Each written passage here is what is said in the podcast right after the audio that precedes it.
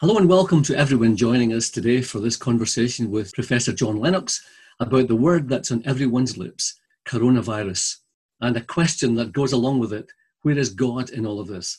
Now, Professor Lennox has just written a book on the subject, God and the Coronavirus, and of course, that is he, what we're here to discuss. Uh, John, welcome and thank you very much for joining us today. What motivated you to write this book, and, and how long did it take? Well, when the coronavirus broke, as a mathematician, I know a little about statistics. And I sensed from the very start that we would rapidly see an exponential increase, that is, a doubling every few days or every week or so on. And I thought this is going to be utterly unique and devastating. And I thought, look, I'm locked down. I need to think about how to speak into this situation. So the book actually took about a week to write, but I was working eight to 12 hours a day on it. One of the central chapters, naturally, is how can there be a loving God if there is coronavirus? And, and we know that that is a, a version of a, a question that everybody recognizes how can there be a loving God presiding over our suffering? Is this, is this a clue that he really doesn't exist? Now, I, I realize there's no quick answer to that, um, that question, and indeed, books have been written about it. So perhaps I'd ask a less expansive question, but getting at the same idea. Where do we look for hope in the present situation? What's your view on that? Well, the reactions to something like the coronavirus are very mixed around the world. So you get atheist and theistic reactions and pantheistic reactions. And I probe these things by heading straight for, first of all, the atheist solution strikes me as not really a solution. By that you mean uh, this is evidence that there is uh, there is no God, so we we we we got what we've got and put up with it. Well, that's exactly right.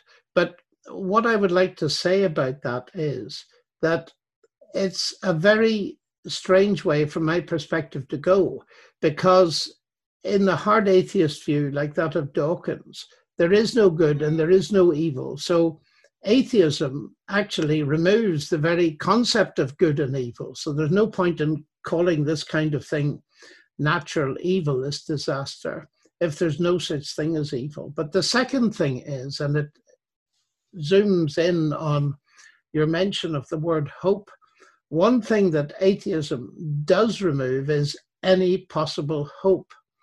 Now, as a Christian, I have a huge question, and this is the hardest problem I face. Uh, the two problems, really. One is moral evil, the bad things people do to others, and the Next is coronavirus type, tsunami type, earthquake type, which is what we often call natural evil, where fractured nature seems to devastate um, humanity. Now, if you say that there is no God, then you've removed all possible hope. And people, as you rightly ask, are looking for hope. And I think there is hope to be found, not in any simplistic way, but the Christian message comes in here. And eh, to go to the very heart of it rapidly, it talks to us, however incredible it may seem at the moment, about a God who knows about suffering. And if we take seriously the notion that Jesus Christ was God's Son, then there we have at the heart of Christianity God on a cross, putting it crudely. So we ask the question, what is God doing there? And that's the beginning of hope to me, because it tells me that God has not remained distant from our human suffering, but he himself has become part of it. Now, that's only a beginning without doubt, there, there, there, there are many uh, people, Christian leaders among them, who have a real heart to say something meaningful to people. And quite often we quote scripture and so on. And I wonder if you, you would agree that there's a real challenge here in not sounding cliched and, and even, dare I say it, in, insincere, just re- repeating words. I mean, how can we give counsel in a way that is sincere, heartfelt, and actually speaks to the real needs of people? That uh, seems to me to be one of the most important pastoral questions that uh, COVID 19 raises. And what I find helpful is to see the way in which uh, Jesus himself treated people in a tragedy. And the story that immediately comes to mind is the story of Lazarus and his two sisters, Martha and Mary. Lazarus was allowed to die. The sisters sent a message to Jesus saying he was very ill. And instead of coming immediately, he stayed where he was. But eventually he came to Bethany, where the sisters were. Now, this was a tragedy in their family. And there are tragedies in many families through coronavirus, through loved ones dying and often dying in isolation. And it's very interesting to watch the different reaction of the two sisters uh, Martha was obviously psychologically very strong and quite an intellectual. And she remonstrated with Christ and said, Look, if you had been here, my brother would not have died. And um, he replied and said that Lazarus would rise again. And she then responded, and they entered into a theological discussion obviously a very strong minded person because he was standing in the graveyard of her brother who'd just been dead a couple of days. But when he met Mary, she came out and she was weeping her heart out and said exactly what her sister said. If you'd been here, my brother would not have died. But his reaction was totally different. He didn't say anything, he wept. And I think the answer to your question is sometimes we need to weep with those that weep and mourn with those that mourn. And a touch on a shoulder, if you were allowed to do it these days, a hug, and weeping can get through a, a veil of tears much better than trivial um, answers and just saying something for the sake of it. Frankly, we don't know what to say. And so we need to be honest about it and, and keep quiet. This thing is so big, as far as I can see. We've never been there before. And honesty tells me that we're at a loss facing it. So all we can do is to, and I think it's an important thing to do, is to point to this kind of story in the Gospels that points not to our sympathy, but to the nature and the depths of God's sympathy. And what strikes me about this story is that Jesus in that graveyard, as he saw what death had done, the death of Lazarus had done to that little family, he wept in deep sympathy. Now, he was about to raise the man from the dead, but the whole event did what the coronavirus does to some people. It nearly brought those sisters to doubt the love of God. And uh, when the crowd saw Jesus weeping, uh, they said, Behold how he loved him, but couldn't he have prevented him from dying? And after that suffering that Jesus allowed them to go through, and that's another great mystery, really. He raised Lazarus from the dead. And that points forward, it seems to me, to the resurrection of Jesus himself. So you've got two huge elements confronting us. One, that he understands our suffering. He understands the suffering of others far better than we looking at it do. But secondly, he was raised from the dead, and that gives a hope that goes beyond the grave. And that's the thing I cling on to. So I, I guess one of the problems that um, that we have is that we are creatures who only know about the past and the, and the present, and we can't see the future, and therefore there's a crucial part of the bigger picture that we're missing, and that oh, can I, cause our consternation. Would Would you agree? I think that's right. But it seems to me that if we gain confidence in the past, that is in the events, some of which I've just related, and secondly, if in our own personal experience we have encountered God through Christ, that is the kind of added dimension that gives us the confidence to trust Him with the uncertainties into the future. You know, one of the things that strikes me, and I mentioned it in the book, is that all of us, especially if and when we were students, we say, look, surely a good and powerful God could have made a world in which this kind of thing didn't happen, in which neither human nature broke down or physical nature broke down. And we argue about these things all night and we never come to a, a solution. It, it, goes beyond us. And over the years, uh, I've begun to think perhaps we need to ask another question as well. And that is all of us, whatever our worldview, have to face the brokenness of human nature and of physical nature. It's a mixed picture, and I often call it beauty and bombs, but I might as well call it beauty and the coronavirus. I looked up at the stars the other night and saw Orion Nebula, absolutely glorious against the background of the galaxies. And then I come indoors and look at television and see a hospital with the doctors distraught because they haven't enough equipment to treat the patients that are dying around them. It's a mixed picture. And therefore, the hard question that I feel utterly forced to ask is this to ask myself granted that the picture is mixed, is there any evidence anywhere that there is a God that we can trust with it? And that brings me back again actually to the past, to the death and resurrection of Jesus. If this really is God, then I can see a window, not a solution, but a window into here is a person that where I can't trust it, I can trust him with it.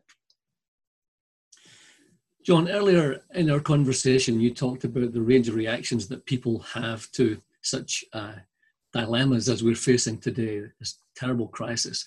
And one of these is that, oh, this is God speaking to us. And there's no end of voices raised today making that point. What do you think of that um, interpretation of what we're experiencing? And if it's true that God is speaking to us through this in some way, what, what is He saying? Well, I am very careful here because there is such a danger and I'll try and explain what the danger is.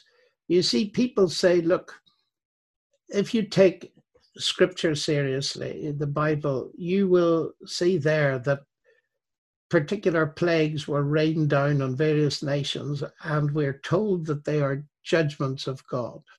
And that is, of course, true. But I notice that those plagues, we have God's direct word for it. But so far as I know, we do not have God's direct word on COVID 19.